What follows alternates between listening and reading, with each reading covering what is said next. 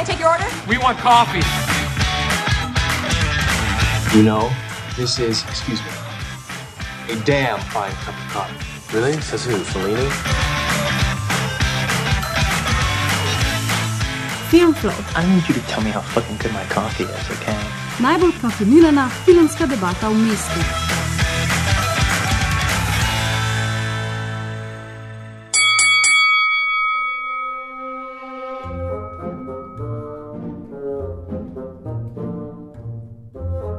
Lepo pozdravljeni v novi epizodi Filmflova. Ana Jurc, Petra Meterc, Maja Beharc in Ana Šturam bomo danes čas zavrtele nazaj in se skupaj z vami sprehodile skozi preteklo filmsko leto.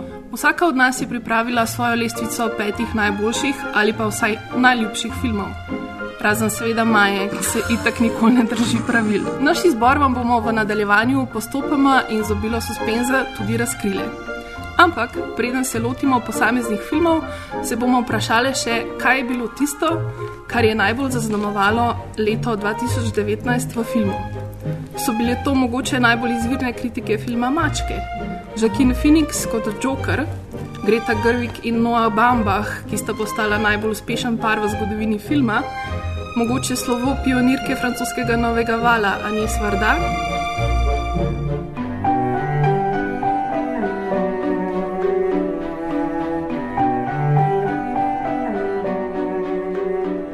Ko si mi ti dala nalogo, da moram sestaviti lestvico, sem ratala uh, takoj fatig in fulutrojena in se nisem nič spomnila, kar sem gledala v 2019. In to je moj vtis leta 2019 filmskega. To je zato, ker ne uporabljaš letterbox. Nihaj me probat spraviti na še eno kvazi socialno omrežje. No. Se mi zdi, da, da se zdaj v decembru, ko se pogovarjajo o vseh teh najboljših filmih preteklega leta, pa tudi ker je bil Liv novembra, pa smo imeli možnost videti fulenih teh uh, pomembnih filmov. Ne? Se mi zdi, da vsi ugotavljamo, da letošnje filmsko leto ni bilo najboljše, oziroma da nismo toliko uh, navdušeni nad uh, nekim svojim naborom ogledanih filmov kot mogoče prejšnja leta, vsaj pri meni je tako. Vem, na festivalih sem bila po večini precej um, puščena na hladnem, ali kako bi temu rekla, od Berlinala do Karlovih varov. Uh, Nekako se mi zdi, da je bilo veliko enih um, pozabljivih filmov. Uh, mogoče pa, kar je najbolj meni zaznamoval filmsko leto, je pač uh, odhod. Uh, seveda Anjes Varde in mogoče tudi neko čisto osebno doživetje tega, da sem jo pač v Berlinu uspela zadnjič in za me prvič videti, um, jo poslušati tam na novinarski konferenci, pol to celo leto, ki se je njej nekako tudi posvetilo, se mi zdi, da, da je lepo, da, da ob njenem odhodu se je vse mogoče uspel tudi malo bolj vzpostaviti končno, kaj je ona bila v filmski zgodovini ji dati neko malo bolj primerno mesto kot uh, prej, recimo temu tako. No. Mm. A pa se ti zdi, mislim, v teh filmov, ki pa si jih videla, da vem, lahko v teh filmih opaziš neko rdečo nit, ali pa vem, se ti zdi, da je ne vem, neka tematika, ki je letos prevladala, ker recimo vem, lani sigurno smo smo veliko razmišljali o tem, da je bilo zelo veliko filmov, ki so se ukvarjali pač re, z reprezentacijo afroameričanov in tako naprej. In je to bila neka tema, ki je res mm. izstopala. Letos pa se mi zdi, da mogoče ni zares noč tazga. Ne vem, mogoče od teh nekih velikih filmov se mogoče neke usporednice. V, v naslavljanju nekih družbenih tem, mogoče videla samo pri Parazitu, pa Jokerju, sicer zelo ohlapno, Um, pa tudi zaradi neke primerjave, ki se mi zdi zelo ključna, glede tega, kako se filma tega lota. Sicer pa nisem videla nekih rdečih niti ali pa da bi zdaj rekla, da so se začeli pojavljati neki filmi z nečim specifičnim, mm. da me je kaj presenetilo, da se mi zdi, da se je kaj novega začel delati. Niti ne. No. Mm. Mislim, jaz bi vseeno rekla, da je mogoče bilo kar velik. Um, žanrskih filmov, ki so dominirali, ki so bili družbeno kritični. Pač ta dva, ki si že omenila, se pravi Parazit, Joker. Pa recimo tudi, ne vem, As bi lahko bil mm. ta, bi spadal mm, pod to kategorijo, pa recimo tudi Najvzautne, ki je na nek način um, kritika mogoče pač privilegija belih, bogatih američanov. Mm. Mislim, meni se zdi, no, da, da, da je to dosti, mislim, izrazito, ampak jaz mislim, da če bi gledali v um, najširšem pomenu besede, jaz mislim, da lahko bi zelo velik filmov uvrstili v mm. ta temo ali rdečo nit pač struggle v smislu. Haves pa haves not, pa uh -huh. pač razumeš, kje pride kleš med njimi. ne. Sej, Pa meni se zdi, da sem jaz opazila še en mogoče tako rdečo nit in sicer to, da so te avtorji ameriškega neodvisnega filma res dokončno vsi zapluli v nek ta mainstream film. Tarantino je imel letos nov film, Harmony Corin je imel nov film, Linklater je imel nov film, Jarmusch je imel nov film, ki smo ga vsi že Ali pa smo ga sicer že vsi Ja. pozabili. ne. Um, tako da eni so mogoče bolj uspešno naredili to tranzicijo kot drugi, ampak vsaj se mi zdi, da je to tudi blano, ena taka um, rdeča nit uh, letošnjega leta. Če bi lestvico najboljših filmov letošnjega leta delali na podlagi zaslužka, bil na prvem mestu film Maščevalci zaključek oziroma Avengers Endgame, ki je postal najbolj gledan in dobičkonosen film letošnjega leta. Tik za petami, ok, no, kak bilijon dolarjev za petami, pa mu sledi še nova CGI priredba Levega kralja. Zakaj smo rabili to in zakaj pač ljudje gledajo to? Jaz ne razumem, zakaj preprosto ne naredijo ne vem, tako re-releasa pač originalne Meni je verzije. bil ta nov film, mislim, fascinanten, ne po umetniški plati, ampak tako je bil ta Uncanny Valley, ne pač v Aha. smislu. Kaj zdaj gledam? A Razumeš, pač vmes malo pozabiš, da je to pač neke vrste animacije, ker misliš, da gledaš pač dejanske leve, ampak potem seveda ne začnejo pet, pa, pa potem pa nobenega izraza nimajo, ampak obenem pač čustvujejo in je pač meni na velik način to zelo impresivno. Ja, se je, se je v bistvu na eni strani to tako achievement, tako bravo, zdaj smo pripeljali CGI do tle, amazing, top, juhu, zdaj moramo pa samo še ugotoviti, da tega pač ni pametno delati na ta način, zato ker, kot si rekla, ta film, jaz ga nisem gledala, ampak jaz si predstavljam, da je to prazen film, pa uncanny velik. Živali ne morejo imitirati tako, kot lahko pač narisane živali. Ja, je In problem. pač jaz mislim, da na vsake dokajta pride en tak film, ki ga je treba v narekovajih narediti, zato da tehnologija naredi en push naprej. Sej, ite, tako je bilo z unim kurčevim polarnim ekspresom, ki je Uncanny Valley Tom Hanks, ki je bil tudi takrat grozen film, ampak tehnološko bi pa to ful pomemben film, ker so ne vem kva vse. In to tako je, na vsake dokajta je treba preživeti en tak, Mislim, zdaj, ko ste budalaščino. vidve to govorile, sem si jaz predstavljala, da bo najbrž, ne vem, čez tako pet let obstajali živalski vrt, vrtovi, kjer bodo hologrami pač živali. Jaz tudi mislim, da to definitivno ni lesson learned, pa gremo zdaj v drugo Ne, ne, smer. ne. Pač, There's never a ne, ne. lesson learned, ja. Tako da pač, to je sigurno začetek nečesa. Ne? Jaz tudi vedno znova premišljujem, aj to zato, da si zavaruje, čeprav that wouldn't make any sense, ker pač Disney si lasti te stvari, pač IP, IP pravice za film. ne. Ker na vsake tokcajta vem, da če si studio, če studio želi podaljšati pravice, imajo napisano, da mora na vsake tokcajta ven vršiti film. Ampak doesn't make any sense, zato ker pač Disney ima vse te pravice, ne vem zakaj.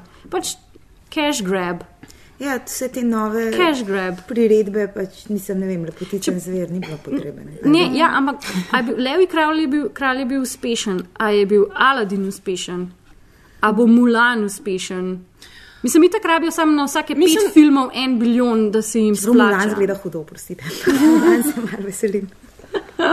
Mislim, jaz bi se tudi, če ne bi fucking pel noter v vseh teh stvarih. Mislim, verjetno. Sorry, I will That's cut. like the core Ja, of Disney know, movies. zato jaz res ne morem. Meni se zdi, da, da, da vse, kar te filmi naredijo, je v bistvu to, da sprožijo ene te čist bizarne debate, ki se pa pač tako ene dva tedna po spletnih right. uh, omrežjih pač sam pojavljajo neke ta, mislim, tako debate o filmu, za, katere, za katerega se vsi pol nekako strinjamo, da je slab, samo pač pa so te nijanse, kaj vse Ja. v te, tem odkriješ. Sem, mislim, da sem danes videla nek naslov uh, glede pač mačk, ne. Oh. Mislim, da je bilo tako nekaj v, stilu whi- ne vem, whitewashing animals in cats in tako je, kaj? Whitewashing animals, ok. Črna. Ej, mislim, mogoče bo ta film, mogoče bo ta film zdaj končno pač, um, ne vem, nehal to norijo um, z mačkami na internetu. Bomo vsi rekli, dovolj je. We have learned our lesson. Tako da, glej, vsak film lahko nekaj dobrega prnese. Ko smo videli po obrazu kosmatov Judy Dance, smo rekli, Da si ziš. Hvala lepa, to je bilo to. Right, well, that's not going to work, is it? You don't listen, do you? You just ask the same questions every week. How's your job? Are you having any negative thoughts? All I have are negative thoughts. Se bo pa, sploh kar se dobička um, tiče v zgodovino, kot najbolj dobičkonosen R-rated film zapisal tudi letošnji presenetljivi zmagovalec Beneškega filmskega festivala Joker. In jaz moram reči, da sem bila kar presenečena, ko sem slišala, da je ta film zmagal v Benetkah. Ja, ne navadno, ne, v resnici Mm. pač. Ja, to meni- ni film, ki bi mu jaz pripisala. Mm -hmm. Mislim, tudi ni film, ki bi se sploh zdel, da, da ustreza nekim kriterijem uh -huh. Beneškega festivala, mm, oziroma ja. kar naj bi Beneški festival bil. Ne? Mislim, kjer vse pričakuješ, vsaj malo bolj art produkcijo, mm. vsaj malo bolj um, neke presežke. Mm. Ja. pa njim se ni treba pač temu um, bazu ne, bilo, ja, ja. udinjati. Pač oni ve- vendarle lahko naredijo, kar hočejo. Mm. Pa so naredili to. Ja. Ja, pa mogoče bolj, mislim, pol razmišljaš, da so mogoče to naredili tudi zaradi tega, da, da, fest, na, da na festival pride nek hype. Ne? ja, ker pač oni so v močni tekmi s Torontom, pa mm. mogoče so na ta način. Um, Mal. kaj je zdaj tam mladim všeč? Ampak pač ja, meni je, meni je dolgočasno že in naporno govoriti o Jokerju. Pač zdi se mi, da um, oddahnila sem se, ko je še mal ta pač moment hypa mim. In, mm. um, če bomo preživeli do konca Oskarja brez pretiranega najedanja z Jokerjem, bo čisto redo. Uh, ja, mislim, kot boste slišali v nadaljevanju, nobeden od omenjenih treh filmov ni pristal na naših lestvicah najboljših filmov leta. Sem vas pa hotela vsaj na tem mestu malo povprašati, po kakšnih kriterijih pa izbirate najboljše filme. Kaj vam je recimo pri izboru najpomembnejše, oziroma kaj je tisto, ki na koncu pretehta na nek način? Kadar dobim ta prompt, da se moram spomniti najboljših filmov, grem zelo po tistem, kar mi karne na pamet, kar mi ustane, tako ali drugače. In letos je bilo tako nič, zjente, zero, nada, nula. In pa sem odprla IMDB lestvico 2019 in sem šla tako, č, č, č, č, pa IMDB ima kakršen koli kriterij, že sem tako, ne, ne, ne, nisem bila, nisem, ne, ne, ne, ne. In pa sem tako ratala desperate in pa se je zgodilo to, kar je se je zgodilo, da sem poslušala določeno muziko in so se mi utrnili določeni spomini. In zato je bil ta izbor. Um, jaz bi si želela trditi, da imam kakšno pač tako um, metodo stokovno, ampak pač ja, je tudi pa potem znotraj žanra. Pa pitek, če to, jaz sem že s številčnimi ocenami težave, ker potem nazaj boš rečeš, a to je bilo štir, pol, pol to res ne more biti štir, to je pač zelo je. Mm. Ja, potem v končni fazi grem nazaj po svojih recenzijah, pa si pač na listek napišem, kam je bilo všeč, pa jih pač na nov razporedim po ja, moram žal reči občutku. Ja, jaz sem danes ugotavljala, da na nekih teh okay, top 5, ki je že tako dost osko, skušam dati te filme, ki bi jih tako lahko še enkrat pogledala tako z užitkom. Mogoče so bili kakšni filmi, ki sem jih videla na nekem festivalu, kakšen dokumentarc, ki je zelo tako um, low budget, arci, tako naprej, ampak ne vem, če ga nismo v Sloveniji videli, se mi potem mogoče tudi malo zdi, ne zdi smiselno, da bi zdaj tle jaz vam razlagala, tako sem se zbrala neke filme, ki so um, tukaj bili v občinstvu prikazani, pa mogoče, če jaz nekaj o njem povem, bo lahko še kdo v nek mm. dialog stopil s tem. No, tako. Ja, meni se zdi tudi pomembno, mislim, sploh če si nekdo, ki hodi po festivalih, pa mogoče vidi veliko več filmov, ki dejansko pridejo um, k nam, se mi zdi vedno vs- vsakič pomembno, da na lestvico, mislim, vsekakor so ti filmi tudi vedno dobri in absolutno spadajo tja, ampak se potrudim vedno, da na, na lestvico, vem, vključim sam vsaj enega ali pa dva filma, za katere vem, da jih ljudje mogoče še niso videli, pa se mi zdi, da um, bi želela, da bi jih videli. Ponavadi si izberem tiste filme, o katerih sem tako čez celo leto res največ razmišljala, mm. o katerih se spomnim, da sem tudi um, se z največ ljudmi pogovarjala, ker um, so mi dali neki za priporočala. razmišlja- Ja, za razmišljati ali pa za, um, za predelati tako ali pa drugače. Bomo pa kar začeli in sicer od spodaj na zgor številko pet, kar pomeni, da nam bo Maja najprej povedala, zakaj za vraga potrebujemo še en film o Hellboyu in zakaj za vraga je ta film sploh na tvoji listi najboljših filmov. Zato, ker jaz ne znam slediti navodilom. Um, jaz imam originalne Hellboye od Gilerma zelo rada, oba dva. Uh, Hellboy kot motiv, oziroma kot njegov cel story, se mi zdi super. In potem, ki je bil anonsan nov Hellboy in da ga je bo igral David Harbour, sem bila tako, uu, uu, interesting. Kdo je David Harbour? Uh, iz Stranger Things, uh, šerif. On. on je kul, cool, on je kul cool igralec, on zgleda simpatično, on je tak dead in meni je to ful simpatično. In pa sem bila tako, oh my god, this might be interesting. Pa sem pa videla trailer, which was trash. A veš, da hodi z Lili Ellen? Ja, vem. Tudi to si mislim. Ja. Ampak, lej, let David Harbour be David Harbour and date Lily Allen. In potem sem ga šla gledati in je bil seveda ta film trash, ker uh, prej, ko smo snemali v boci, niti nisem mogla spomniti, kakšen je bil plod, kaj dela noter Mila Jovovič, surely the world is ending, things need to get saved in tako naprej. Ampak potem je v zadnjih dveh minutah filma noter Motley Crue na 12. Jaz imam ta zanimiv fenomen, da je lahko meni film full trash, pa je pa ena una stvar. Ki je res ful na glas, rock and roll Tako, muzika. tako, ali pa obrvi od Edema Driverja. Uh, in potem dobim neka taka rožnata očala gor in, oh, wow, ta film mora zdaj biti meni všeč, pa ju. In zato je um, ta film na lestvici, ki v bistvu ni res najboljši, ampak pač mi je ostal v spominu zaradi ta zadnje dve minutni scene, ki ima tukaj na 12 pa, uh, fight koreografija.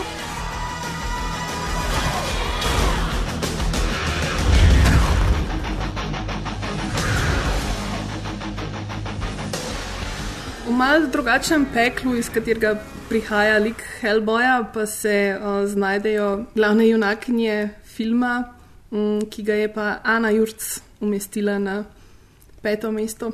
Ja, to je pa um, tudi eden od filmov z Lifom, med drugim. Mislim, da je um, dobil nagrado kritikov. Vodomcev. Vo- Vodom, vodomc, pardon.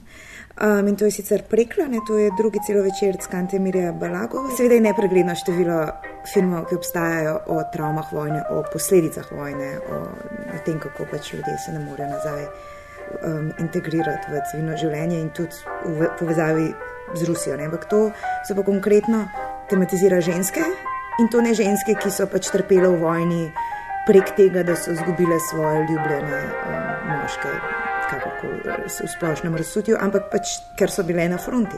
Torej, topničarke, ostrostrelke, pilotke in kar je še tega. To je, to je bila pač um, Svetlana Aleksijevič, um, Nobelovka je napisala pač knjigo Vojna nima ženskega obraza, že v 80-ih in to je pač ne direktna predloga, ampak pač nudi za ta film. No. Zdi se mi, da ta film uspe najti neko ravnoteže med tem, da pač ni samo nek vojerizem, pa naslanjanje, ampak obenem je pa totalno estetska izkušnja, pač, pač čudovit je, kako je ta stvar um, fotografirana in s kakšno pač pred, um, pretalnim občutkom za kostumografijo, pa scenografijo. Ne. Da bi človek mogoče mislil, da v, v pri tako resnih stvarih, ne, da, da, da se ne boš ukvarjal z barvami polovarjev, ampak nekako je to um, celostna izkušnja, no, vse skupaj. Tako da je pač mm. meni se zdel, ampak težek, težek film. Tako Da, um, kriterija, če bi si ga želela še enkrat videti, prav zelo malo ne. Ja, meni ga žal ni uspel videti na, um, na Lifu, uh, vsekakor pa pride, mislim, da že dokaj kmal v kinodvor. Vsaj uh, mislim, da je prva projekcija bo že v januarju v sklopu tega njihovega programskega sklopa Zgodnja ptica, festival ob petih, um, kar pa tudi pomeni, da najbrž na neki točki pride v, um, v redno distribucijo. Petra pa si je za svoje peto mesto izbrala en slovenski film. Ja, jaz sem si izbrala Oroslana od Matjaža Ivanišina, za me nek, nekak slovenski film leta, recimo temu tako. No? Um, zelo se mi zdi čudovito, kako je Ivanišin prestopil iz te svoje vloge dokumentarista v nekoga, ki naredi um, pač fikcijo. Um, Ki je zares ne moš ločiti. ki je ne moreš ločiti, oziroma se s tem, se mi zdi, več čas tudi poigrava v filmu zelo uspešno. Všeč mi je, kako je film zastavljen v te neke tri dele in hkrati uspe um, zapolniti eno temo, torej neko soočanje oske, pa zelo odmaknjene skupnosti s smrtjo posameznika znotraj skupnosti. Hkrati tako sta Ivanišin pri nekem tem svojih stalnih prijemih, tako kot pri karpopotniku, pač uh, karpota ni, ne? tukaj tudi v bistvu oroslana ni, uh, v njem samo poslušamo, zgradi se nek ta lik, uh, ki ga pač mi sploh ne vidimo, ne spoznamo, ampak nekako se nam na koncu zdi, da vse vemo o njem, pa mogoče nič. Mm, predvsem se mi zdi čudovito, kako je znal um, t, uh, običajne ljudi, torej ne igravce iz tega območja, vključiti v ta film kaj je naredil z njihovimi zgodbami, kako jih je upletel v ta film. Film, ki se vrti okoli pripovedovanja, je nekaj, kar meni pač zelo lepo izpadlo. Um, čudovito je posnet, tudi uh, Gregor Božič je snemal film. Hkrati pa, ja, ne vem, 72 minut, uh, kar je za me tudi ena tako lepa stvar, da v 72 minut uspeš spraviti nekaj, kar stoji.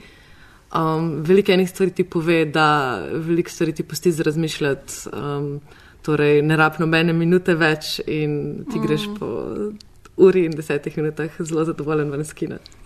Letos je pač res, se mi zdi ta film mal pod radarjem. Mm. Šel, ne, da bi se Ja, ja, to definitivno. Ja, zaradi tega, ker um, se je zelo veliko govoril predvsem o zgodbah iz Kostanjevih gozdov, o katerem smo tudi že sneli um, podcast, pa mogoče bi od slovenskih filmov vseeno menili še. Um, me, meni je bil recimo super tudi uh, dokumentarc Hčika More od Siniše Gačiča, pa Jezero. Jezero. Jezero. Jezero. kje si. Če si z bohinja ali jezer. Ja. Uh, ja, en film, ki pa tudi mislim, da si zas- zasluži uh, večkraten ogled, se je pa zna, znašel na mojem petem mestu in to je uh, film Mi, As od Jordana Pila, ki ga sicer um, mogoče bolj poznate po filmu Zbeži, Get Out, ki je tudi uh, dominiral predvsem lestvice najboljših filmov leta 2017. Jaz mislim, da je Jordan Peele res eden najbolj zanimivih sodobnih režiserjev ki se v svojih filmih zelo veliko ukvarja predvsem z reprezentacijami afroameričanov, pa tudi s podobami afroameričanov v žanrskih filmih, s temi klišeji in jih zelo dobro subvertira. Mislim, da si ta film mi označimo nekako za družbeno srhljivko, o čemer je tudi um, Anja Banko, recimo v zadnji uh, Temni zvezdi, obravnavala kot neko novo obliko hororja. Zdi se mi ta oznaka precej zanimiva, kar mi je pa všeč pri um, njegovih filmih, je pa to, da, resni, da so res zelo zabavni. No. Mi je definitivno eden od tistih filmov, o katerih sem letos največ primševala, zaradi tega, ker zelo veliko stvari pusti gledalcu za njegovo interpretacijo. Se počutiš v bistvu kot alica, ki pade v to neko zajčjo luknjo pomenov, ki jih je res ogromno v bistvu nekih referenc, nekih namigovanj, nekih simbolov. Po moje, da vsakič, ko znova, ko greš ta film gledati, lahko odkrivaš noter nove in zanimive uh, stvari. Um, poleg tega je, mislim, celotna igralska zasedba je absolutno fenomenalna, z Lupito Neungo na čelu. Ok, to je bila um, round one. Nadaljujemo z round two. Uh, in sicer Maja je že prej omenila, da ja. je njena rdeča nit Motley Crue. Prvih dveh filmov. Bom probala zdaj plesti še v te zadnje tri. Ampak ja, The Dirt sem si izbrala, zato ker eh, ni skrivnost, da imam jaz rada rock and roll, pa Motley Crue in druge stvari iz 80-ih in 80-ta na splošno. Dokumentarce, igrane filme, kakršne koli filme o muziki. Samo ne muziklov. Samo ne muziklov, which is very interesting, pa mogoče bi si zaslužili večjega premisleka. Ampak jaz rada gledam te filme. In uh, meni je bila The Dirt knjiga, ki sem jo prebrala leta, ker to je že več kot deset let stara knjiga, mi je bila amazing. Ful se je žoftno brala, ful so te zgodbe teh ljudi itak. Totally wild, pa nekaj, kar si še zdaj zares nisem prepričana, ali je vse to res, ali je vse to pač plot neke kokainske nočne more, ki jo je nekdo imel tam sred Sunset Boulevarda. Ampak The Dirt je posnet po istoimenski knjigi in je basically autobiografija filma Motley, uh, skupine Motley Crue, ki je pač glam hair metal band iz 80-ih. Um, se mi zdi, da Rotten Tomato dosti dobro pove o tem filmu, da ima pač na strani publike 100% svežine, na strani kritikov blizu nič procentov svežine. Tako da to že veliko pove o filmu. Ampak mi pa ful všeč, da je fanom ta film ful všeč, ker se mi zdi, da je to film delan za fane. 80 na potenco posipana še z malo kokaina, ker je to crazy, kot ne bi njihovo življenje bilo. I had managed the Scorpions, Bon Jovi, Skid Row, Kiss, I had never been through what Motley Crue put me through. Ja, zato bi bilo zelo zanimivo, da bi so ta režiser um, večino stvari, ki jih je prej naredil, Ja. yeah. so pač vsi um, številni jackass filmi. Ja. Kar se zdi ful primerno Tako, za režijo. točno, nečesa takega. točno tako, ker ne moreš posneti nekega takega filma, če si nek pač običen človek v glavi, se mi zdi, da moraš biti mal premaknen. Ful bi izpostavila tle kestanje Machine Gun Kellyja, ki je pač en white ass raperček, ker ne vem, če je še kakšen cast bil tako perfekt, kot on za Tommy Leeja, za Bubnarja, ker je tako isti. Na vsake cajt, ki sem bila, je bilo kratko mal uncanny valley, koliko je on isti. Um, tako da ta film si pojete pogledati, če ste sam full fan Motley Crue. Ker če ste fani Motley Crue, bo amazing, če pa niste, bo pa whatever. Tako da to. Še boljš pa, če preberete knjigo, Ja. ki je pa res izjemna. Res. Kot knjiga je dobra, ne mm. samo kot njihova zgodba Ja. v besedi. Ampak it's a good book, tako da to si To je preberete. knjiga, ki sem si jo iz gimnazijsko sposojala od Maja. ja, res je. Res je.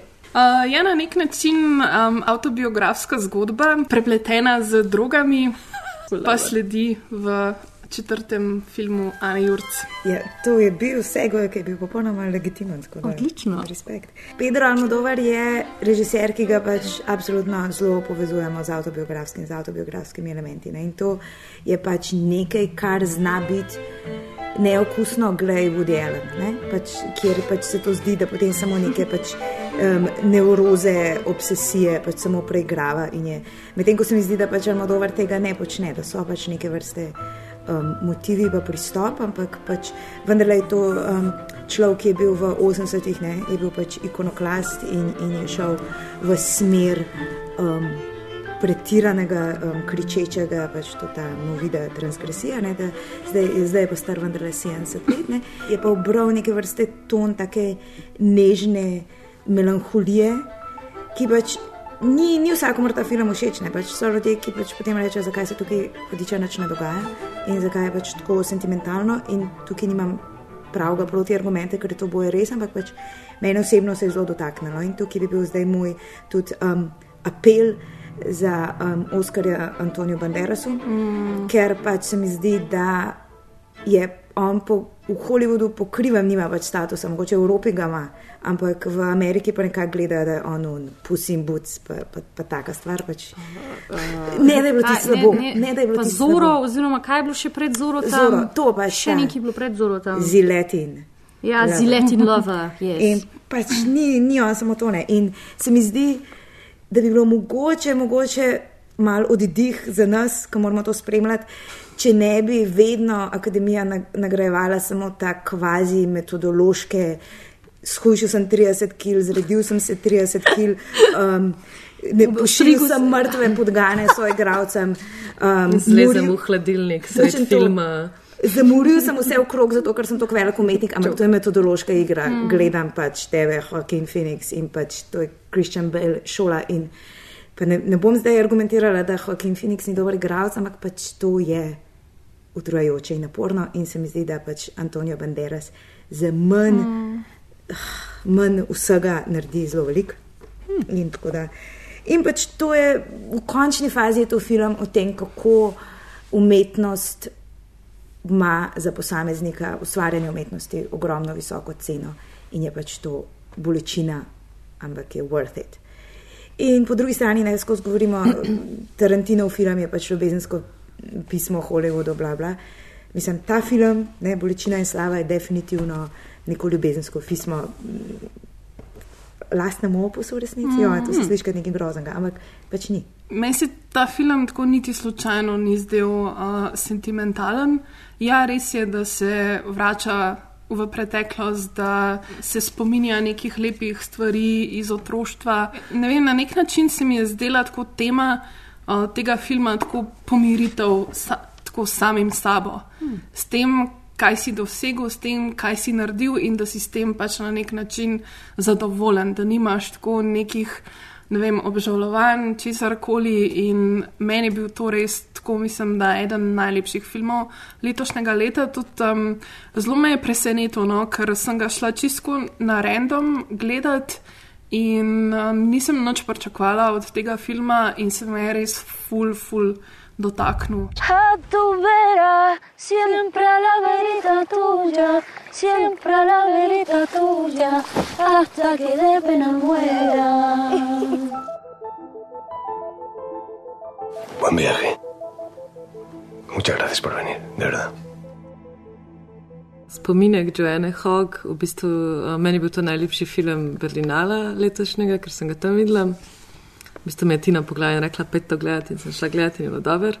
Um, nisem ga imela namena gledati, zato ker uh, sodeč po trailerju se mi je zdelo nekako, da gre za eno to angliško dramo, v kateri nastopa neka poor little rich girl, ki pač uh, ima neke te svoje zaplete v življenju in v bistvu je to, ne, mislim, je autobiografski film um, in glavna junakinja je pravzaprav poor little rich girl na nek način, študentka, ki pač živi sama v svojem precej lepem stanovanju v Londonu, ima to neko. Um, Bledoličnost, krhkost, oblačice v te pastelne barve, lepe, um, hoče biti režiserka, hkrati pa pač um, se zaplete v odnos z, z pač nekim um, moškim, ki jo navdušuje predvsem iz neke perspektive tega, da deluje mal um, drugačen, nevaren, recimo temu tako, um, neki na njem jo fascinira na podoben način, mogoče kot uh, ko se nekako sooča s tem, kaj bo počela s svojimi filmi, pa z umetnostjo, kot jo fascinira recimo delovski razred. Um, in da obojga pristopa zelo naivno ne? in do tega, kaj bi ona zdaj rada, ona bi rada delovski razred snemala, ne? pa v bistvu nima pojma o tem.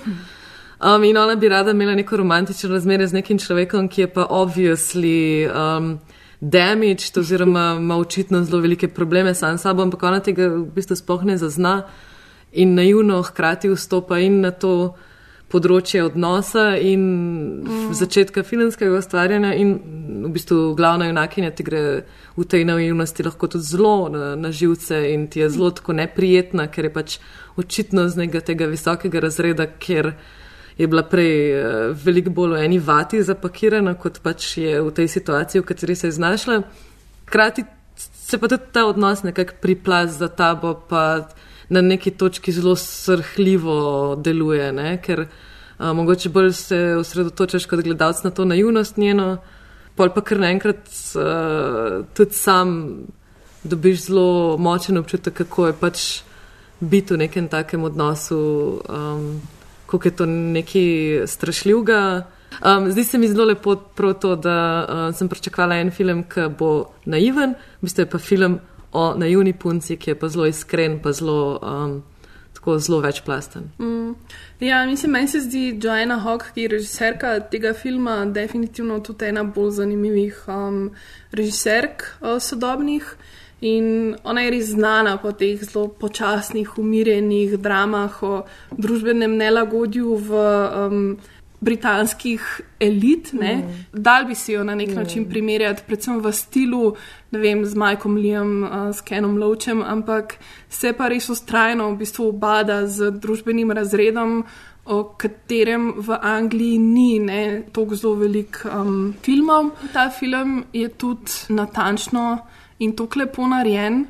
O, vem, fotografija, mm. igra, celotna estetika mi tako res te potegne v ta svoj svet. In um, nisem vedela, uh, da bo v bistvu to šele prvi del, ker naj bi bila dva filma, ne kot ne. To je kar v bistvu ni hecno, mislim, da imaš nek uh, zelo tak. Um, arci film in pa na koncu je ta disclaimer, da čakamo na, na, na part, to, to me čisto preseneča. Mm. Tako, ok. Round 3. Um, omenjali smo že, da je bila ena od stvari, ki so mogoče res najbolj zaznamovali letošnje filmsko leto, smrt Anies Varda. Tako da na svojem tretjem mestu mm -hmm. ima Maja en film, ja, faces, ki je povezan z njo. Yes, Faces Places. Kaj je to slovenski naslov? O ljudeh in hvala lepa, Ana. Jaz sem tle um, predstavnica um, Jare Raje, to se pravi nekultiviranih filmskih gledalcev, ki niso nikoli študirali filma, se niso ukvarjali ne s filmsko zgodovino, ne filmsko teorijo ali čim drugim. Tako da je bila meni Anis Vrda popolnoma nepoznana oseba.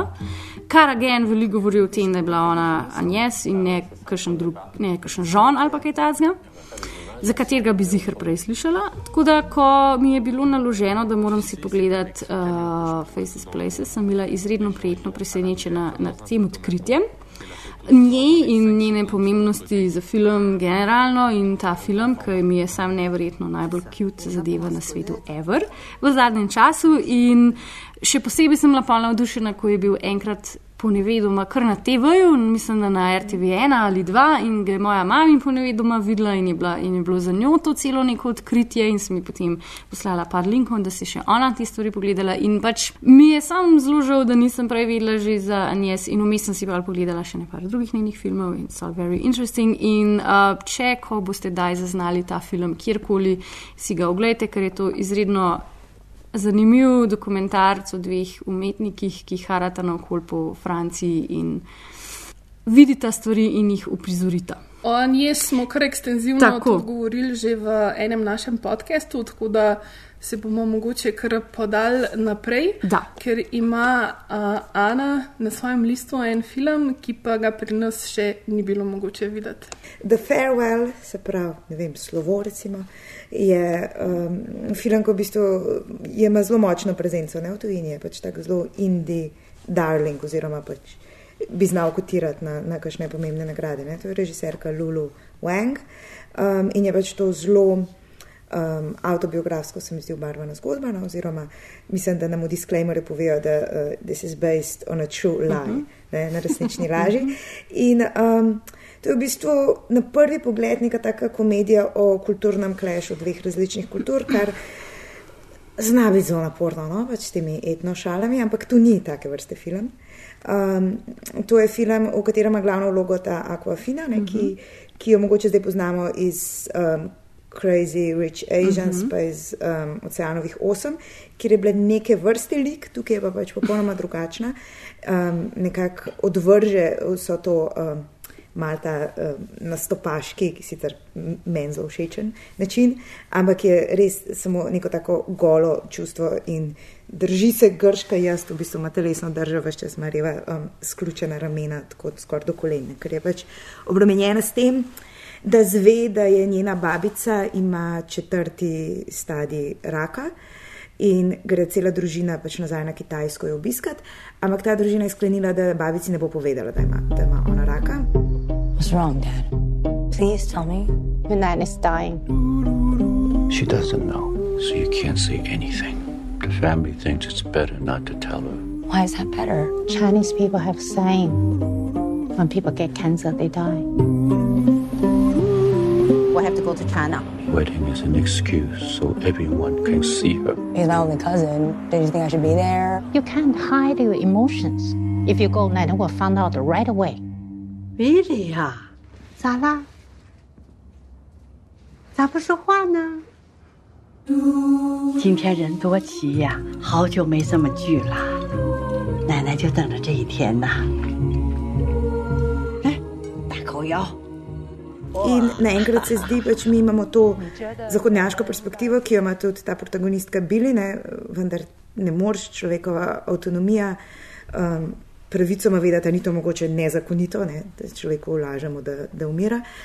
Ampak je nek zelo tak subtilna um, potem menjava perspektive, ki pokaže, da mogoče zahodnjaški način ni nujno edini način in da pač kitajska kultura to razume kot um, čustveno breme, ki so ga dolžna, dolžni bližnji sprejeti na meste Mhm. osebe. Pa ta film je bil fulbol odmeven za ameriško diasporo, kitajsko-ameriško diasporo. To je pomemben, ker pač poleg Crazy Rich Asians je to en izmed redkih filmov, ki ima pač zgolj sam Chinese American cast noter in je iz tega vidika tudi pomemben, pa ker odpira agen. A, nekaj, kar mi res ne poznamo, pa ja, mislimo, da je ni. našo edino pravo razumevanje sveta in smrti, pa v bistvu mogoče zares ni.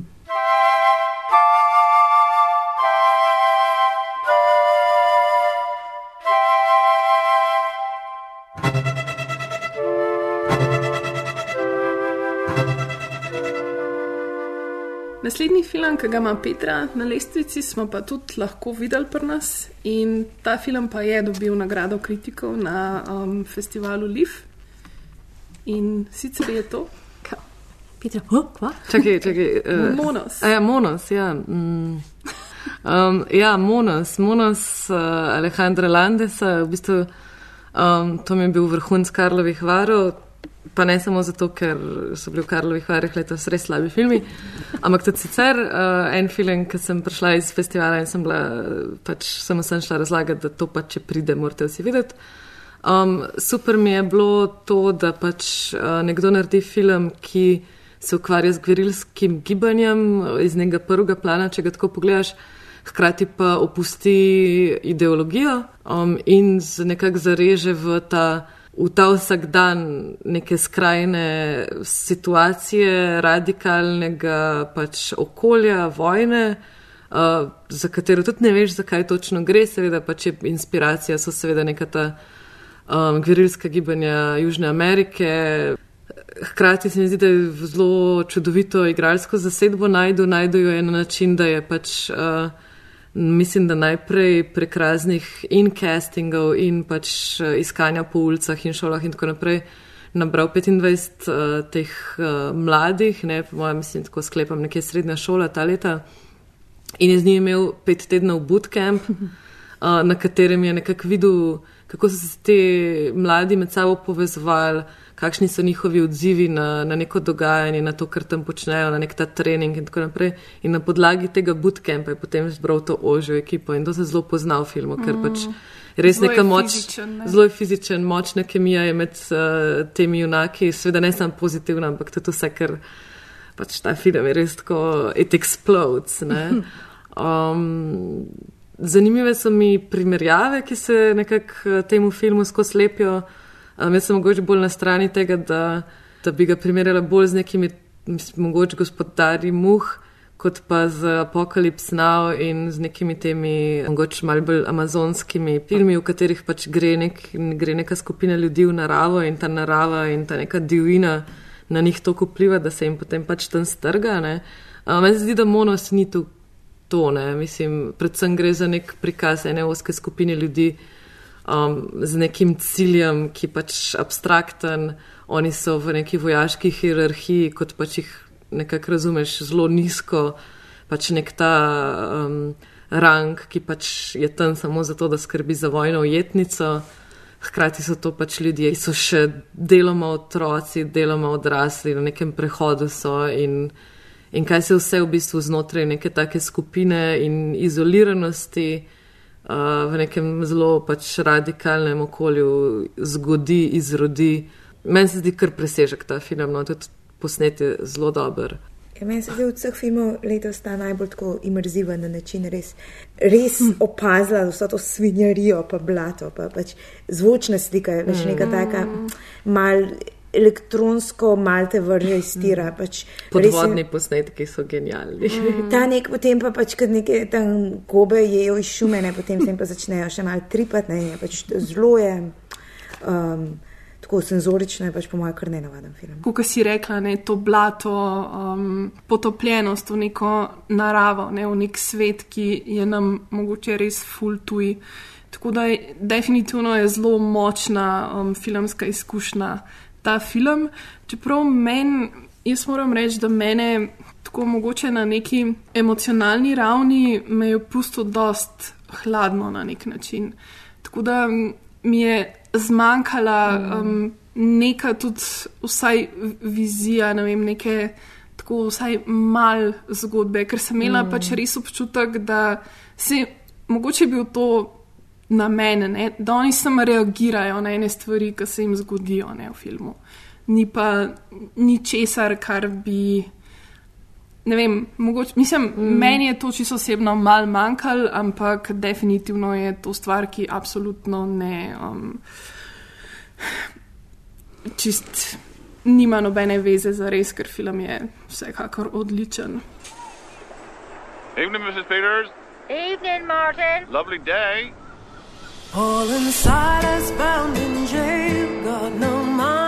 Imam pa tudi jaz na tretjem mestu en film, ki se mi je zdel vizualno tako zelo svež in relevanten. Um, čeprav je na nek način se ga da zelo povezati z neko zgodovino filma, se pravi z nekim nemim filmom, z nekimi filmi Žana Epstina ali pa Sergeja Eisensteina. In to je pač bil film Vaba Bait Marka Jenkina, uh, enega britanskega režiserja, mladega, mislim, da je to njegov prvenc, uh, ki drugače izhaja iz Cornwalla, kamor je film tudi postavljen. Pri tem filmu se mi zdi je zelo zanimivo, kako dobro funkcionira ta um, filmska forma in filmska vsebina. Ker um, film je res narejen tako zelo analogno. Posnet je bil na 16 mm črno-beli trak z Bolex kamero. Mark Jenkins je film tudi sam lastoročno doma razvil. Film pa tematizira propad lokalne skupnosti. Uh, govori o ribičih v Cornwallu, ki se seveda um, borijo za preživetje. Medtem ko bogati turisti iz Londona kupujejo njihove um, domove, ker si jih oni sami ne morejo več um, privoščiti, kar je Mark Jenkins tudi v enem intervjuju govoril. Je ta pač res absurdnost ne, um, tega dogajanja. In sicer ti turisti v Cornwall prihajajo ravno zaradi tega avtentičnega življenja ribičev in uh, celotne uh, te izkušnje.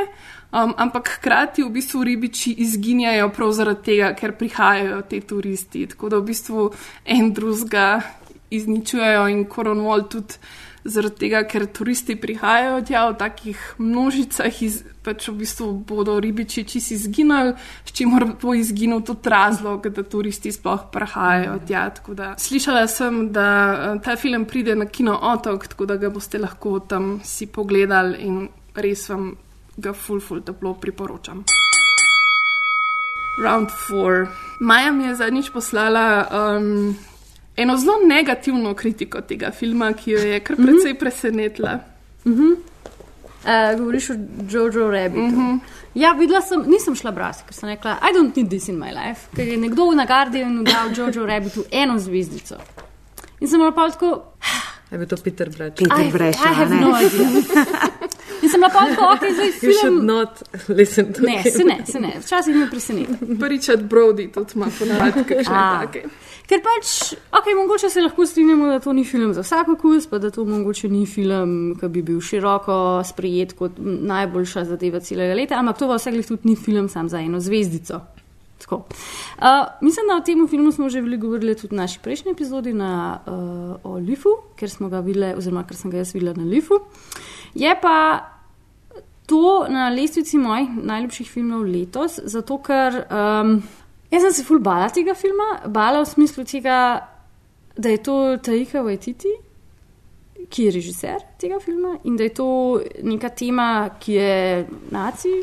Related, pa vsa ta tematika, pa da je to še zraven komedija, ker se mi je zdela, da ta trajekta ne bo dobro funkcionirala. In sem se potem bala, da bo to po eni strani en tak cringe, fest, čuden film, ampak hvala Bogu, da se je Taika Waititi ni nobenem izver- i- izneveril in je to samo najbolj, Dajmo temu reči, prisrčna črna komedija. Meni je všeč on tam, ampak ne več naš protagonist, um, Jojo, ampak Drug, ja. njegov prijatelj. Ja. Ki sem ga zdaj sem prebrala, da bo pač v Home Alone neke vrste reboot bo in bo on pač otrok. Mislim, ne bomo imeli Kevin McAllister, Oh, ampak bo drug that otrok. makes me happy, čeprav. Um, Ne rabimo novega Home Alone, Ja, ampak Kaj, lahko Ne mislim, rabimo. just make Ne. another movie. Ne, Ana, Mislim, ne, ni več. Pač znanstveno smo dokazali, da ni več novih, svežih idej, to več ne obstaja. Lej, Vse, kar je že Ta bilo, film pa prem samo, če ga bo režiral Taika Waititi. Ja, Okay. probably not gonna happen. Mislim, jaz osebno bi si za Vajtitija želela, mogoče, da bi šel v, v nazaj. Ampak pač zdaj ne more iti nazaj v obskurnost, pač te, mislim, bil je pri Marvelu, to je to za njega. Ampak, mislim, meni je bil Jojo Rabbit seveda všeč in pač ne, ni to film za eno zvezdico, ampak ne. In tudi ne vem, kam bi potem šel, recimo po prvi polovici um, s tem filmom o nacizmu, razen v nek spravljiv ton, ki Mm, pač ja, potem ja. na trezen način pokaže Ja. ne, da se zbečet crazy in grozen. Ja. Ja. Verjetno moraš to narediti, ampak pač od njega bi si želela več to njegovo subverzivno noto, ki je pač Mm. ohranja za Ibancijo do samega konca. Mm. -hmm. Kar razumem, da je mogoče ja. bilo pri tej temi neizvedljivo. To mislim, da je bil tudi tvoj contention Ja, iz ja. prejšnje epizode. Ja, aj, se strinjam, to je čisto. Jaz pa dejansko ne morem narediti dobrega segwaja, A, ker ta dva filma sta pa res tok um, popolnoma različna. Da je reči, Um, da to gre tako približno skupaj kot nacizem pa komedija. Ne? Ja? Evo. A? A? Maybe. Maybe. Mogoče, mogoče pa ne, bo Ana povedala. Um, ja, to je pa um, moj, četrti film je Atlantik oziroma Atlantics v, v angliški različici. Lahko ga najdete na Netflixu. In je pač trenutno je še v izboru za najboljši mednarodni film za Oscarja, kot pač Senegalov uh, kandidat.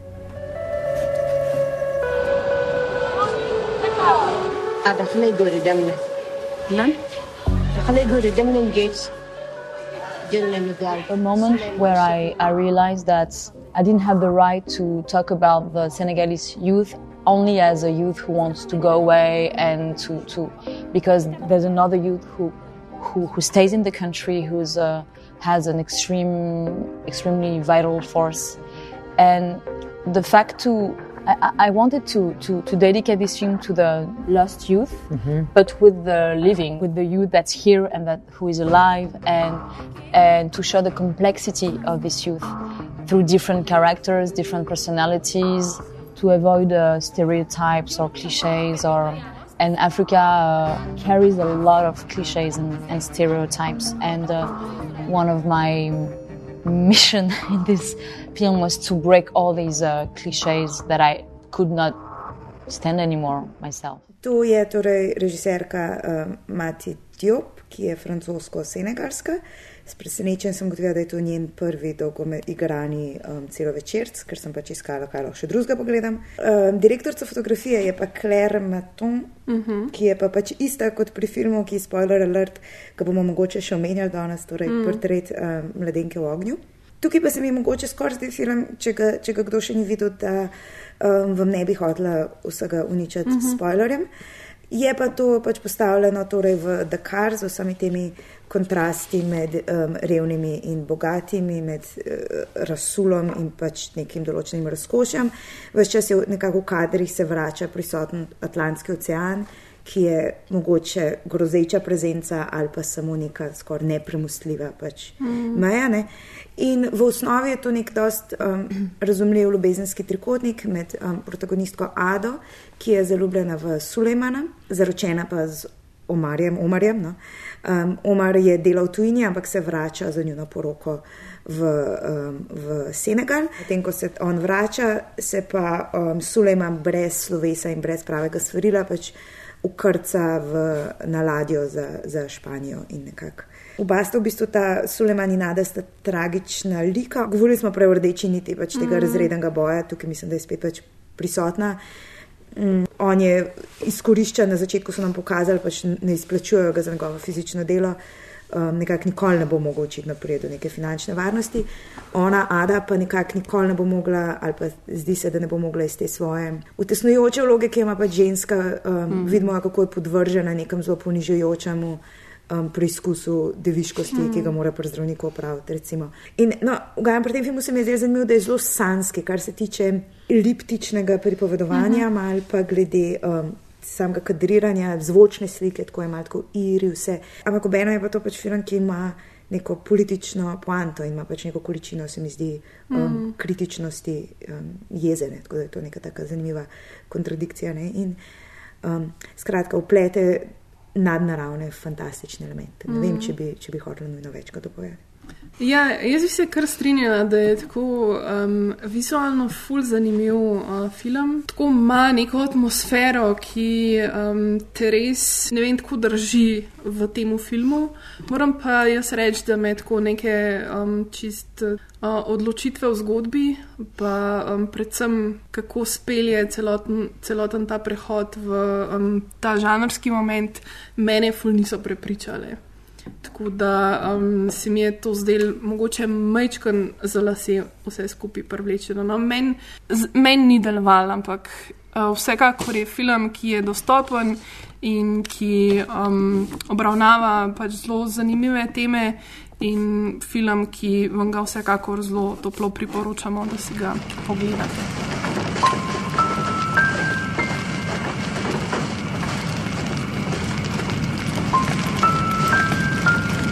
Ja, jaz sem si izbrala uh, Balangigo, Tolečo divino, uh, film Kauna de la Cruza, ki je nas letos tudi počastil s svojim obiskom na Kuri Poti. Preden zagrebemo film, um, se mi zdi super, da imamo en tak festival, ki se mogoče malo preveč povezuje s svojo žanrskostjo. Uh, na vzven, v resnici pa pripelje sem tako res eno kopico nekih filmov, ki mogoče ni, ni glaven poudarek na žanru, ampak so samo mogoče malo bolj eksperimentalni. Uh, mogoče jih damo v kakšno B kategorijo, z, uh, ampak uh, so še zmer vredni ogleda in recimo pač filmi Kauna de la Cruza so nekaj, kar pač um, bi se mogli za moje pojme tudi druge vrteti zunaj uh, nekih striktno takih žanrskih uh, situacij, ampak uh, ok, o tem kdaj drugič. Um, zdaj, kar on naredi s tem filmom Balangiga Toleča Divina, je, da se lot ene zelo uh, konkretne filipinske travme kolonialne, enega pač uh, ogromnega pokola oziroma požiga in pokola večjih vasi na nekem delu Filipinov, potem, ko so pač um, Filipinci, mislim, da ubili par ameriških vojakov, kolonialistov. In gre za eno pač tako res traumatično zadevo, o kateri se šele zdaj začenja malo več govoriti. Uh, tudi ena knjiga je šla ene dve leti nazaj o, tem, o teh dogodkih.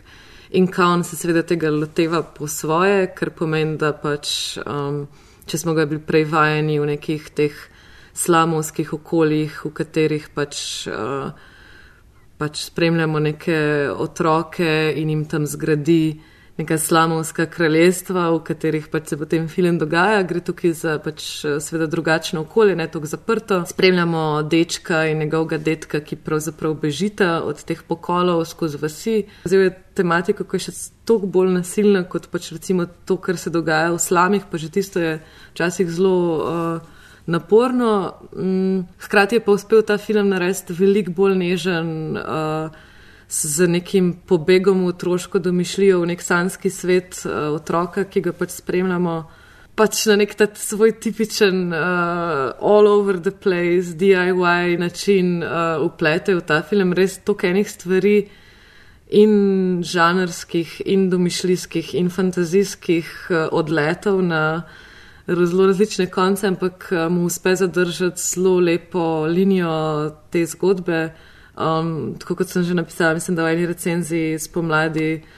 Um, tako meni v bistvu nek občutek, ki sem ga dobila potem, ko sem film pogledala, kot da bi gledala neko dolino miru, sam pač posneto v nekem slogu filipinskega novega vala, ki je pač uh, v kaunovi različici res crazy. Um, in da pač američani um, v tem filmu pač res niso zavezniki. Mm. Ja, mislim, jaz sem letos tudi v bistvu prvič gledala um, kak film Kauna de la Cruza in moram reči, da je to ena zelo zanimiva um, filmska izkušnja, ker nikoli še nisem gledala česa, ki bi tako zgledal, tako da vsekakor, um, če kje naletite na kaj tazga, je kar zanimivo.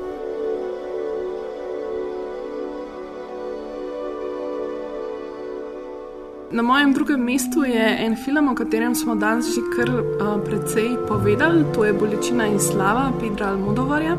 Jaz bi tukaj res podprla um, Anino priporočilo za um, letošnjega Oskarja za Antonija Banderasa.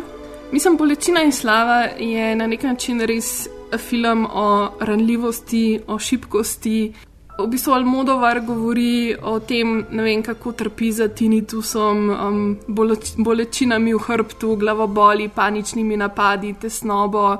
In mislim, da Antonijo Banderas to res vse tako odlično odigra. Mislim, jaz se spomnim, kako so mi bili odlični ti prizori, ko se on vozi naokrog s taksijem in ko ustaja in se poseda v avto.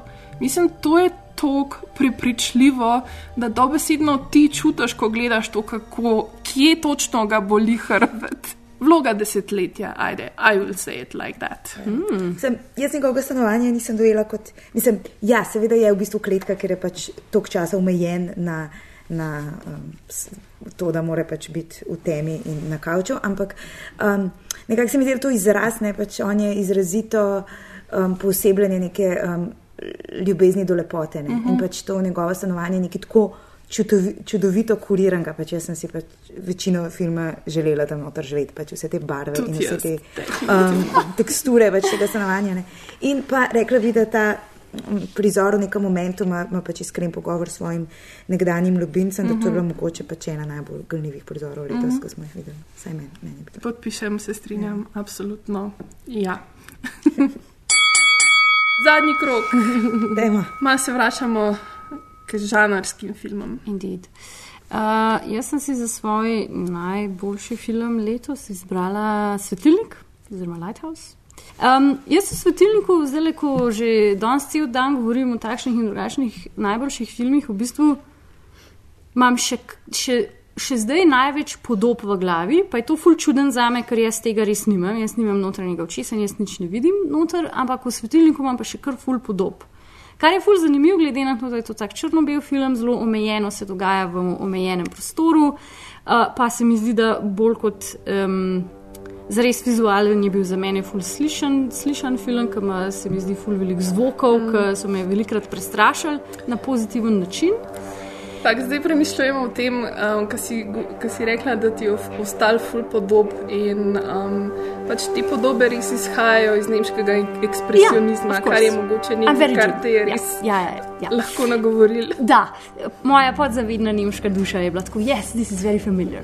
Um, in, in zato je ta film bil meni letos najljubši. Tudi mi je bil uh, izhod v neznano, ker kot sem rekla, pač jaz, je, kar, za me, če meni nekdo reče, da se film predvaja na noči grozljivk, pa to, a je grozljiv, ali ni grozljiv, jaz to vzamem kot da me bo strah. Ampak zares ni spuki, ni grozljiv, je ful taka atmosferka, kot sem ga zelo že enkrat označila in je pač odlična William Dafoe pa Robert Pattinson, slightly, um, slowly going crazy on an island. Pa, uh, kot je tudi danes Veronika rekla, there might or might not be a Cthulhu monster in the mix.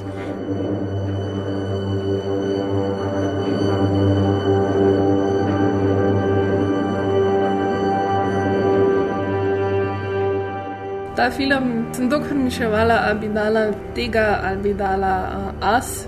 Mm. Um, ker definitivno svetilnik je um, popolnoma moj tip filma. Mislim, neka estetika, nek žanr, neka um, izvedba, neka tema, ki v bistvu mene res um, tako je vse skupaj zelo potegnil in sem full uživala. In pač bi si želela več takih filmov gledati.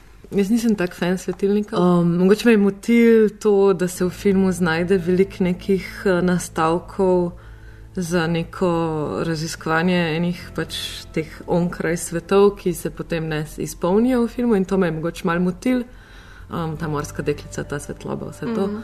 Um, se mi pa zdi, da v bistvu tisto, kar me je tudi mal razočaralo pri ogledu, je bilo to, da sem pričakovala nekaj drugega. Pričakovala sem nekaj drugega, zato ker se je ta film res promoviral kot, uh, kot prvo v sklopu Noči, gro, Mhm, noči grozljivk, uh, ker se mi je zdelo precej zgrešeno. Um, in cel nek ta PR okoli filma se mi je zdel tudi zelo um, drugače zastavljen od tega, kar pol dejansko gledaš. Ker to, kar sem jaz gledala, je bila pač neka zelo dobra vaja v slogu, v absurdu, v atmosferi, kot si rekla. In mogoče sem jaz šla z pač, uh, čist drugačnimi pričakovanji Mhm. na to. No. Jaz sploh nisem tega, um, teh, ne da jih nisem videla, ampak pač nisem nastavkov um, nadnaravnega presežnosti. Pač jaz sem to bolj dojemala kot pač zdrs v blaznost, mm. pač Mhm. samo posameznikovega umane. Ja, tudi jaz sem, sem nekako tako gledala ja, na to. Ja, tudi nadaljujemo še v, v žanru. Um, ja, jaz imam pa film, o katerem vse ne bom blazno zgubljala besed, ker se mi zdi, da pač everybody and their grandmother, ne, še posebej um, verjetno poslušalci podkastov, so pa zdaj že na takočem s parazitom.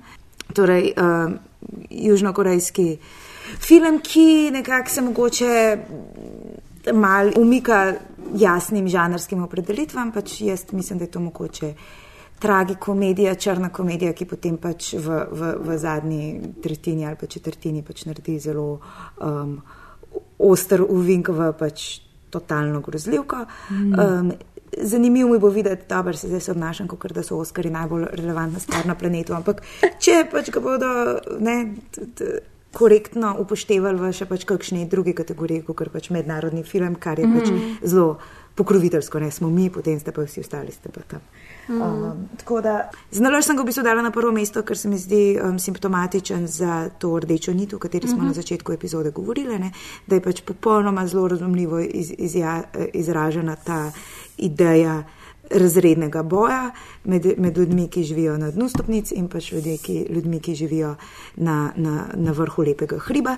In pač všeč mi je ideja, da te bogati, ne, kapitalisti, niso zdaj taki zlobci, sužni lastniki z biči, ne, ampak so samo negativci v svoji ignorantskosti, v svojem mm. tem privilegiju, ki se ga mm. niti ne zavedajo, ki pač izvira iz tega da pokličejo gospodinjo domačo ob treh zjutraj in rečejo, da je tiste nudle, ki imamo radi, mm. skuhi, prosim. Vsi te bomo plačali. Vsi plačujemo na dure, v čem je, v čem je problem? Kaj, tukaj se deli, da se dejansko grmo. In kdo je tukaj zdaj resnični parazit? Ne? Ker v bistvu te ljudje, ki jih zaparazitirajo, torej se jim infiltrirajo v družino kot uslužbenci, čeprav pač ta bogata družina um, parkovih ne ve, da je zapustila družinske člane v resnici pač niso tako paraziti, ker oni delajo, za kar so priplačeni. Pač, ko se sicer pod pretvezo zaposli kot šofer, jih pač prevaža okrog. Ne. Tako da pač jaz mislim, da je tukaj treba malo prej sprašati naše mm. definicije. Pa tako, kot si rekla, ne, mislim, um, tako kot vem, teh bogatih ljudi ne pokaže kot čiste. Parazite, ne, tudi revnih na nek način ne obravnava kot joj, bogi, revni ljudje, ki nimajo nobenih priložnosti, ne, ampak jih tudi zelo pokaže na nek tak, um, majčkam tako preverzne, bi že lahko skoraj rekel na nek način, ne? ker oni vseeno tudi ne izbirajo nobenih sredstev, da pa druge, mogoče še revnejše in ljudi, ki imajo še manj možnosti, kot jih imajo oni, zaje, zajebejo. Ne? In so v bistvu na, na nek način so sporedni, mislim, oboji so te kolesijo ja. kapitalizma. Ne? Mm. Pač, ne, to je pač kredo, da, da če boš ti stisnil, če boš ti trdo delo, če boš ti mm. splezel čez vse uvire, ti bo pač ratali. No, oni zelo um, kimovi, torej, mm -hmm. ja, zelo um, utelešajo ta um, trud, ne, stremenje. Mm. Uh, mogoče jih ta hiter ritem, ta neka popolnost vsega, kako pač sestavljanka pride skupaj mene um, filmsko me ni zadostila, um, ker sem mogoče bolj, ne vem, človek, ki pač rajš pusti, da mu Ken Loach pač iztrga srce ven. Um, eh, ampak to je čisto osebno zdaj. Um, se mi pa zdi, da um, je pa to super narejen film za tako temo pač lansirati uh, v kine, um, mislim pač za množične oglede, ne samo pač, da se pač seveda, tako kot sem zdaj lihkar rekla, da se pač samo nekega lovča gleda nekje um, med tistimi, ki pač nas mogoče take teme zanimajo um, in da potem pač samo mal trpiš zraven, ampak da se nekak prek tega žanrskosti, kakršnakoli že je, um, uspe, se mi zdi, privabiti tudi uh, velik drugih ljudi in um, sprožati neke debate. No. Mm. S Petro pa smo imeli še en film skupen. Na prvem mestu imamo obe uh, film Portret mladenke v ognju, ki smo mu tudi posvetili en cel podcast, um, ki, katerega ste res lepo povabljeni, da ga poslušate. Tako da mogoče Petra sam par stavkov. Ja, mislim, to smo že o tem filmu rekli. Um, Mislim, da, da skozi ponavljam nek ta moment, da je pač to en res najlepših filmov o zaljubljanju, ker sem jih videla zadnje čase, zadnjih par let, mogoče celo, kljub temi, ki se ukvarja z specifičnim zgodovinskim okoljem in v to umeščeno pač istospolno ljubeznijo. Um, ta film naredi to in gre čez in je izjemno univerzalen, um, domiselen je v v tem, kako je film narejen, kako pač neke filmske podobe um, in, in pogled filmski prepleta s temo filma. Mislim, da kaj takega že čas nisem videla.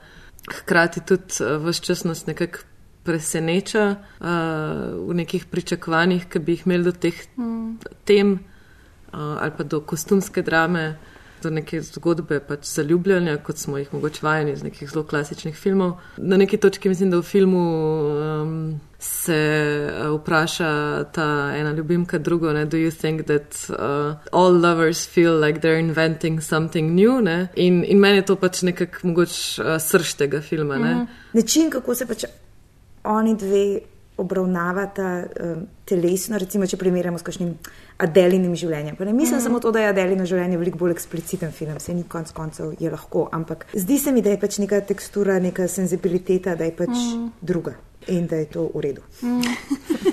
Meni se zdi res super, ker ta film lahko deluje tako kot nek dejansko ne vem, teoretski traktat in hkrati kot fenomenalen film, ki je poln emocij, ki je narejen res um, tako natančno, scenarij, štima, igra je fenomenalna. Kam, tako res, mislim, meni o tem filmu vse stoji. In pač prav ta moment, o katerem je Katja Čičego govorila v, um, v našem podkastu, pač ta portret.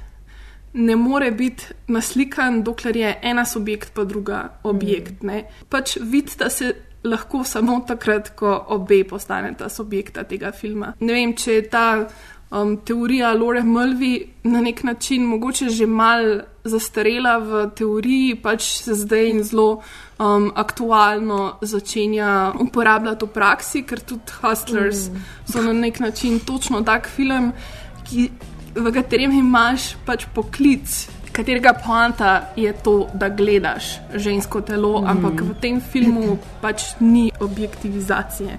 In se mi zdi to res en zelo tak zanimiv um, dosežek no, obeh filmov. Tako da, ja, uh, svetilnikom, parazitom in portretom mladenke v ognju, kot s tremi, vsaj po našem mnenju, absolutnimi vrhunci, zaključujemo naš letošnji pregled filmskega leta. Ampak nismo še čisto pri koncu. Za vas imamo še uh, češnjo na vrhu smetane današnje filmske torte in sicer je vsaka od nas pripravila še en nepozaben detajl, naj si bo to citat, dialog, prizor, glasba, lik, montažni res, igra, filmska hiša, obleka. Baje je polover, ki ga v nože ven oziroma Knives Out nosi Chris Evans, postal že pravi hit.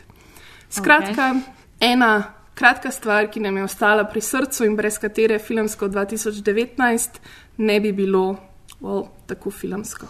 Jaz sem imel pripravljen cel traktat o tem, kako so v bistvu serije tista stvar, ki je naredila filmsko leto 2019, ampak se bom zdaj v tem trenutku na licu mesta premislila. Pa bom rekla, da so um, zaresni prci Williama Dafoa v svetilniku, ki so naredili meni filmsko leto 2019, res nekaj posebnega erotični prizori v portret mladenke ognja. To je pač meni bilo tako res um, nekaj drugačnega, nekaj, kar mm. pač um, ti je res ostalo v spominu. Pa mislim, zaradi nekega ogledalca na določenem mestu, pač mislim, da je to res tako poster material. Za... Mm. Že vem, da bi zastavila svoje življenje za pač Baby Yoda. Um, in pač oh. za ta fazi um, srčkanost je pač iz mojega srca zrnila porge, kar sem mislila, da ne bo možno. Wow. Ja, pač res nevredno, ampak mogoče, če se pa vrnemo k filmu. Čist, čist, čist zadnji prizor Solsticija. To je zelo širok nasmeh protagonistke, ki nosi neko tako cvetno krono na, na glavi in se mi zdi, da je v tej um, enem izrazu, brez kakršnih koli besed, je povzeta nekakšna cela mm. poanta in mislim, da je pač vsaka, ki se je kdaj znebila bremena groznega, toksičnega fanta, pač razume. In je pač tako, se mi zdi, da je to tako zelo emancipatoren moment mm. um, znotraj pač neki, nečesa, kar bi mogel biti čez drug žanr na, na papirju. Mm. Lik Mundoga iz Kralja plaže. Vedno, ko se spomnim prizora, kako se Matthew McGonaghy v um, v tem majhnem čovničku uh, voz tam po unem morju in se samo pač reži kot pečen maček, me tako prav vedno sprav v neverjetno dobro voljo. In zdi se mi, da res rabimo več takih subverzivnih mainstream filmov, kot je bil um, Beach Bum oziroma Kralj. Plaže. Hmm. Um, predvsem pa imam eno željo za um, naslednje filmsko leto, In sicer um, želim si, da bi lik Mundoga in lik Ramone iz Hustlers, Hustlersov dobil pač svoj film. Da, Jaz imam tudi eno željo, lahko nehamo vabiti eh, na festivale ljudi, ki so. Za katere vsi vemo, da so neki, neko spolno nasilje izvajali, pa se ga šli. Hej. Pa jim dajati nagrade. Hej. Ja, pa jim dajati nagrade. Ja. Ja, to je Ja. mogoče nekaj, kar me je letos parkrat zbodel Mm. z nekimi povabili na festivale. Pa, Ne še, not just tako. not there Mm. yet. Okej. veliko ljudi reče, but, but, but, but, but, but, but, pa. Pustimo te debate za enkrat drugič. Hvala, ker ste bili še eno leto z nami. Uh, Film Flow vam želi čim bolj filmsko 2020. Hvala današnjim gostjam. Hvala. In se slišimo kaj spet. Bye! Ciao. Ciao.